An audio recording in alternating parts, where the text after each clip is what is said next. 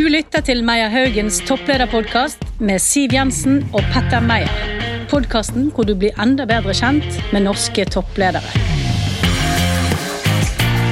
Det viktigste er, og det henger sammen med hvordan eh, vår, eh, vårt marked har endret seg, det er at man må være åpen for endring og interessert i endring. Eh, man må være nysgjerrig på, på de endringene som skjer, og interessert til å utvikle seg. Og til å jobbe med litt andre ting etter hvert som vi også jobber med, med andre ting. Ja, Siv. I dag har vi en spennende gjest, og vi har allerede begynt å prate litt om Paris før sendinga startet. Ja, han kommer jo faktisk fra Paris, men er jo nå daglig leder i Riks-TV og Stream, nemlig Jérôme Frank Setvold. Velkommen! Takk skal du ha. Og Vi har ordentlig gleda oss til å prate med deg, og det var veldig god stemning her altså før vi skrudde på lyden. For da, da kunne Siv si at det var hennes favorittby i verden, og du har vært der er lov å si, 40 ganger? Ja, mange ganger. Og det er din, altså, din fødeby? Ja, det er en fantastisk eh, fin by. Det er helt, eh, helt sant. Men eh, det sagt så er jeg veldig glad i Oslo. Jeg har bodd her i veldig mange år. Og ja, Oslo har utviklet seg på en veldig fantastisk måte også. Mm.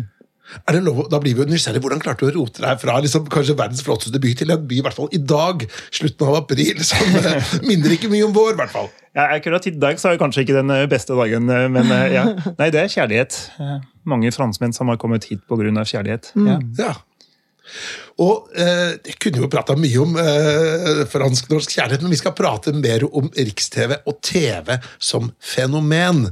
Men før vi begynner med det, si hva er det vi lurer på med Riks-TV og Jerome? Og jeg lurer på mye. Eh, kanskje viktig er jo å få tak i den reisen som Riks-TV har eh, vært på. Eh, da jeg ble kunde i Riks-TV for 150 eh, år siden, så var jo TV-tilbudet et helt annet. Eh, enn det er i dag. Og jeg tror vel kanskje jeg tilhører en sånn aldersgruppe som fortsatt ser lineær-TV. Men kan ikke, du, kan ikke, du, fortelle oss litt om den reisen som Riks-TV har vært gjennom? Nå er dere jo også eh, eh, Nå heter det jo ikke bare Riks-TV lenger, nå er det jo Riks-TV og Stream. Mm. Mm. Ja. Nei, det har vært en fantastisk reise. Da vi lanserte i 2007, så hadde vi 15 TV-kanaler, og det var det. Eh, og man kunne se TV-kanalene kun da de ble sendt. Så det var ingen eh, pausemulighet eh, engang. Mm. Um, så det var, det var live-TV, og det var, det var, ikke mer enn det. Så hele bransjen har blitt i løpet av disse årene helt fullstendig snudd på hodet. I dag så er det seerne som kan bestemme i veldig veldig stor grad hva, hva de vil se. De har tilgang til tusenvis og tusenvis av TV-programmer.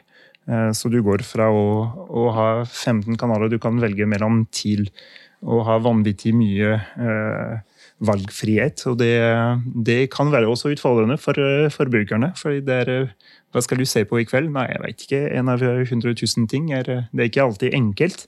Og da, må vi også hjelpe kunden til å finne riktig, riktig ting. Hva er det som passer for den seeren?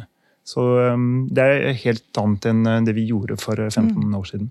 Men hvem vil du si, eller Hvilket selskap vil du si er den største konkurrenten til, uh, til Riks-TV nå, da?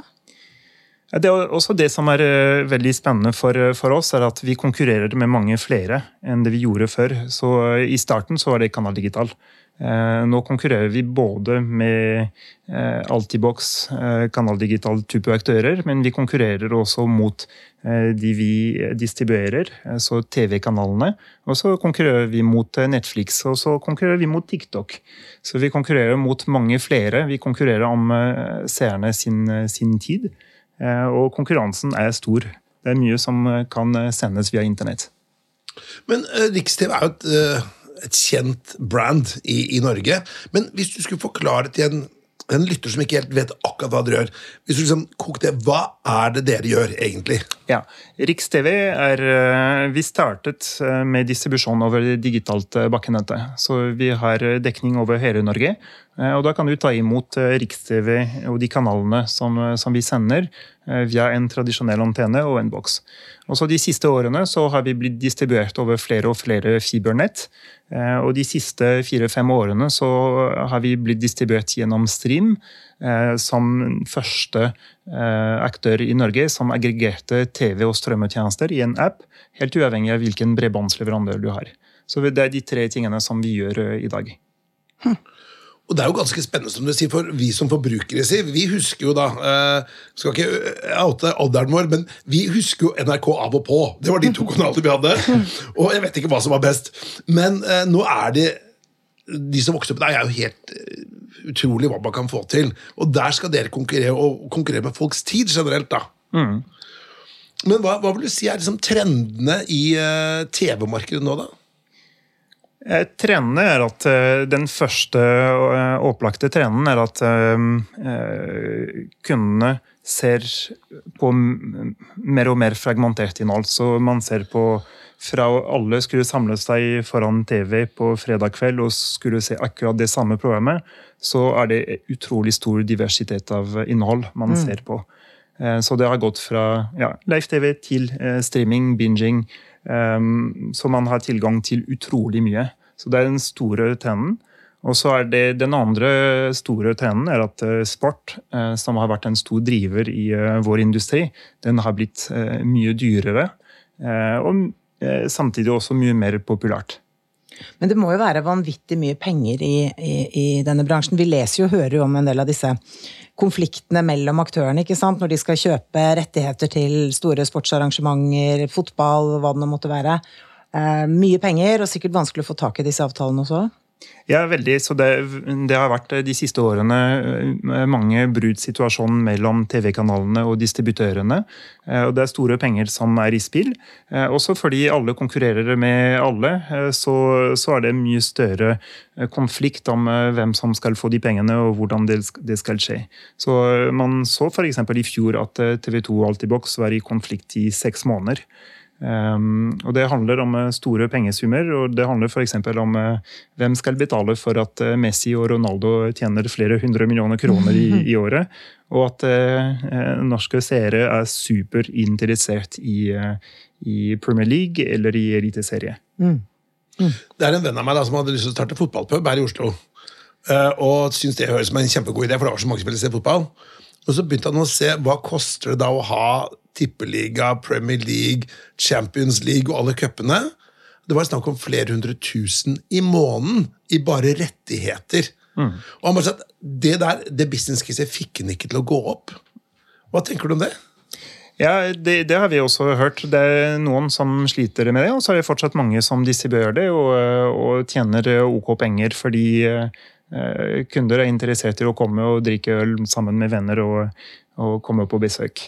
Eh, men det er klart at det er eh, TV på samme måte som andre bransjer, som f.eks. musikk for 15 år siden. Den er også utsatt for piratering, mm. og vi må være obs på, på, den utviklingen. Men i og med at dette markedet nå ser helt annerledes ut, og så er det jo sånn at vi forbrukere må jo fortsatt da betale denne NRK-avgiften. Altså, den går jo nå gjennom skatteseddelen, riktignok, men eh, Opplever dere at det er mange som stiller spørsmål ved det, med tanke på at man kanskje ikke engang ser på NRK, eller ser på, på altså, vanlig TV? Lineær-TV? Mm, nei, jeg tror NRK har vært utrolig flink dyktig til å, til å, utvikle seg, til å endre seg over tid. Så det er, veldig, det er et av uh, Norges prefererte merkeværer. Veldig høy eh, tillit og veldig jeg tror det er veldig få som eh, i dag setter tvil på hvorfor vi har NRK, og eh, hvorfor man bruker så mye penger eh, til NRK. Så NRK har vært veldig flink til å tilpasse seg til disse endringene, og til å, til å sende sitt tilbud over til andre formater. Jeg tror de som klager mest, er kanskje de som konkurrerer med, med NRK. og Mm. Og, og, ser at NRK har vært spesielt flink til å tilpasse seg den, den nye verden. Men du, dette selskapet du leder, 100 ansatte ca. Ja. Um, vi må jo snakke litt om ledelse òg, Petter.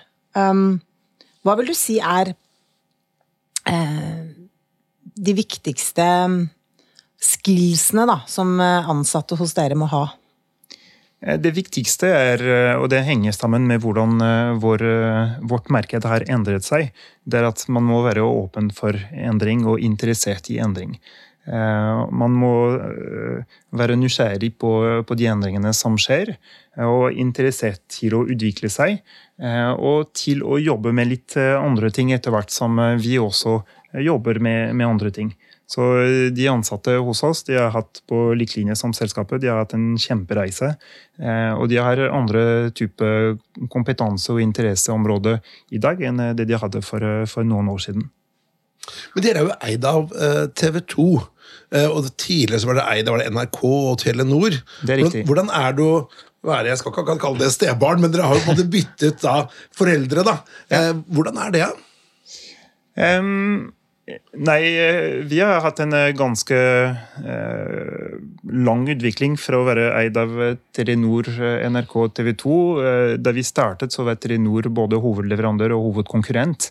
I dag så eies vi av TV 2, som er vår hovedpartner, og samtidig en konkurrent, fordi de distribuerer sitt innhold direkte. Så vi har vært vant i alle år til å ha en veldig kompleks forhold til Eh, til våre fedre og mødre. Eh, og til eh, både, både ha veldig veldig godt forhold, og et forhold som kan også skape en del konflikt. Fordi vi, vi har noen fellesinteresser og noen motstridende interesser. Men, men når, når, TV 2 da sier at de kjøpte da ut var det NRK, Aktivum hvor, hva, liksom, Hvorfor er TV 2 interessert i å eie dere, da? Hvorfor kan ikke det være en frittstående aktør?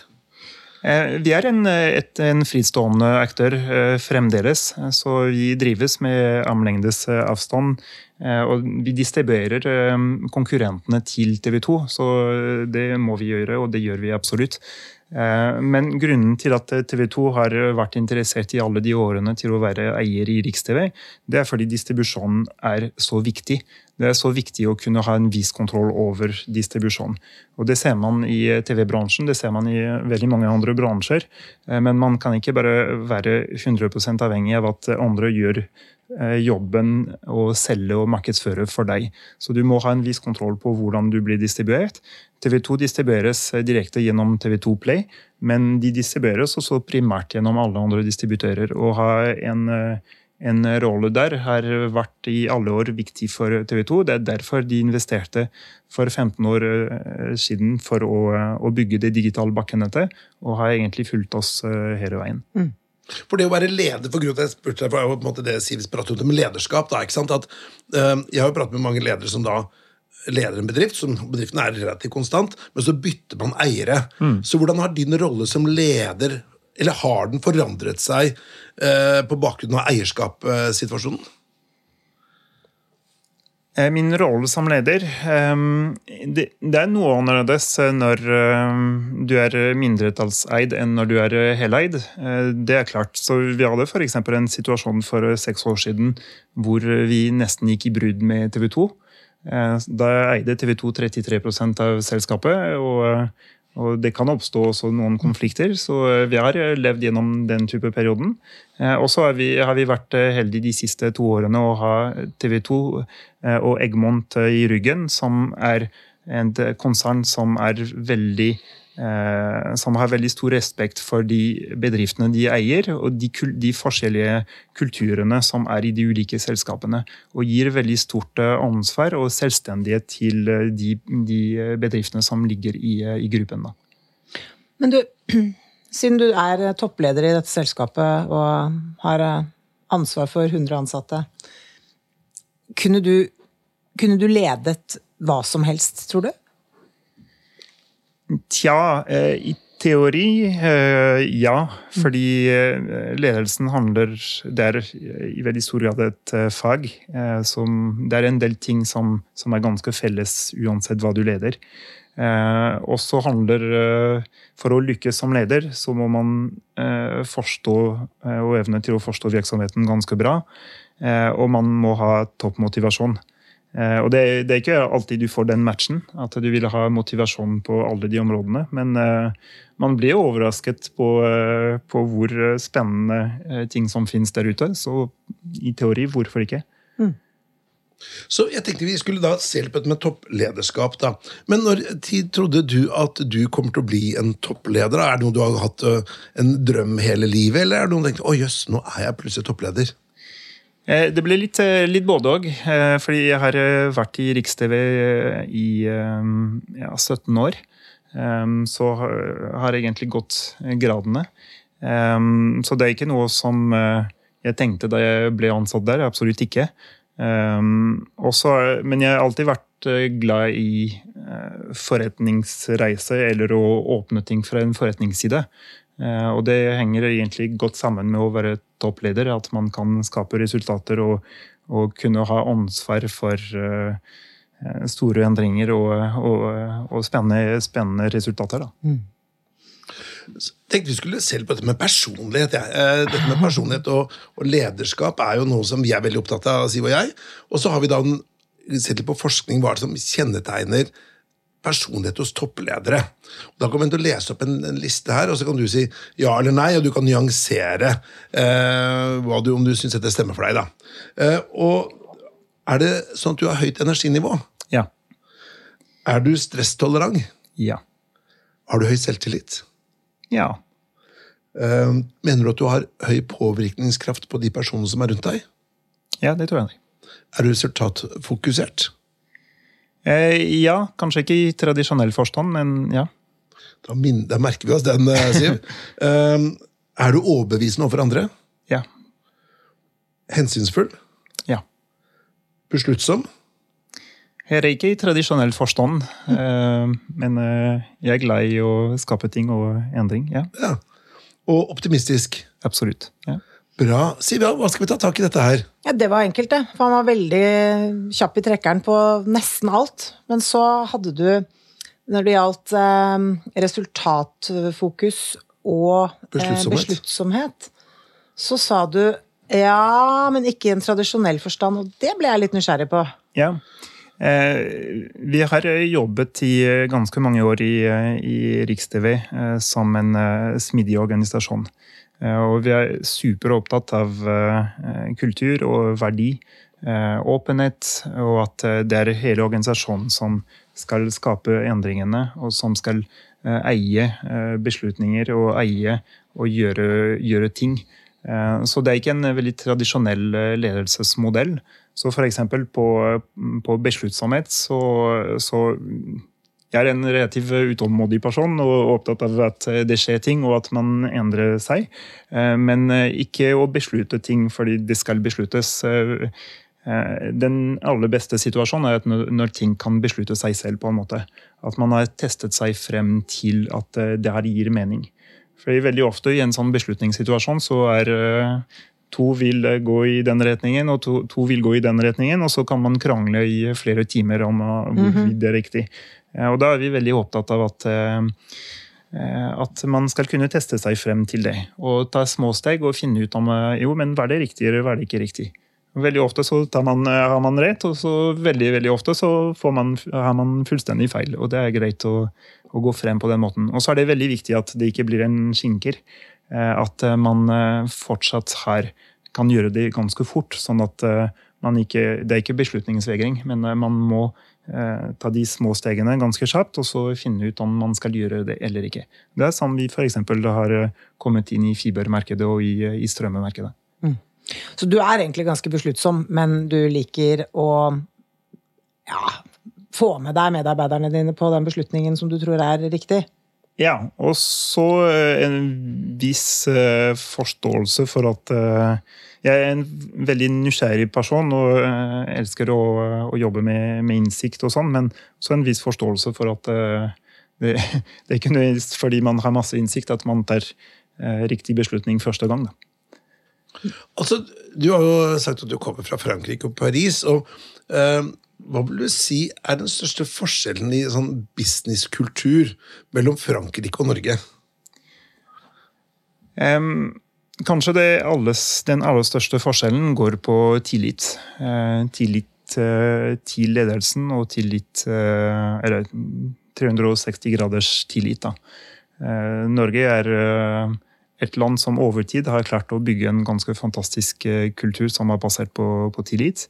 Det er ganske stor forskjell der i, Frankrike, og det ser man politisk. Man så det f.eks. ved pensjonsreformen nå, men man ser det også veldig tydelig i, i arbeidslivet. Hvor ledelsen har relativt lite tillit til de ansatte, og de ansatte har enda mindre tillit til, til ledelsen. Og det er, det er, noe som er vanskelig å endre over tid, og som er et, en, en kulturkapital som er ekstremt viktig å bygge. da. Men man ofte da, i hvert fall sett fra et norsk perspektiv, så prater man om den nordiske ledermodellen, som er så få nivåer, høy grad av mm. tillit, høyt grad av bedriftsdemokrati. Og Det blir jo liksom kanskje hyllet litt, i hvert fall i Skandinavia. da. Men når du ser oss litt utenfra, hva vil du si er det mest negative, da, eller hva kan forbedres med den norske eller nordiske måten å organisere arbeid og lederskap på? Eh, jeg er veldig glad i den norske modellen. og eh, I, i Riksdag så har vi tatt det enda et hakk eh, med, med smidige prinsipper. Så det er egentlig en organisasjonsmodell som, som fungerer egentlig veldig bra. Og spesielt i, i dagens verden hvor ting er i endring. Eh, og at man må få med seg folk. og Man krever mye mer av eh, de ansatte av en organisasjon å forstå hva som skjer, og, og ønske å eie eh, de endringene og gjøre noe med det. Og da, det, da tenker jeg den norske modellen funker, funker egentlig veldig bra. Mm. Men Hvis du skulle trukke fram noe du ikke Eller hva du, hva du syns er mest negativt ved den, da?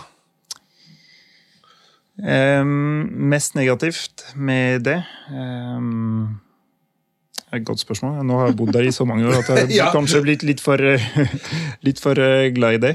Um, ja, Noen trekker jo fram f.eks. at du kan få litt sånn primadonnaer, du kan liksom få litt høyt sykefravær, du kan uh, vet ikke, Siv, Har du noen tanker om at norsk arbeidsliv ikke er helt optimalt organisert? Ja, det har jeg nok, men eh, jeg syns det er mer interessant å, å høre på de kulturelle forskjellene ja. f.eks. For mellom Frankrike og Norge. Fordi det må jo være utfordrende, da, hvis du tar det fra et fransk perspektiv, i en tid hvor det egentlig er de ansatte som sitter på eh, makta, mm. egentlig, da. Fordi nå er man så avhengig av å få eh, riktig kompetanse til bedriftene, og hvis man ikke klarer å rekruttere den, så går det jo ikke så bra for selskapet heller. Jeg hørte et sånt eksempel på sånn, eh, en utenlandsk sjef som skulle ta over en norsk eh, bedrift. da, Kom fra da Mellom-Europa, jeg skal ikke nevne navn. da, og, og, Personen hadde hørt at eh, norsk bedriftsdemokrati var viktig, at du skulle få alle med. Så, de, så han skulle ha et allmøte for alle norske ansatte på dette hovedkontoret, som var mange hundre. Og så inviterte han da til et allmøte da på fredag klokka fem. Ja. Midt i vintersesongen. Ja. Og, og, og, han eh, fortalte på et intervju da, og lo litt av det selv. Men uh, jeg tror det ville være veldig naturlig i f.eks. kanskje Frankrike eller det landet han her kom fra. da.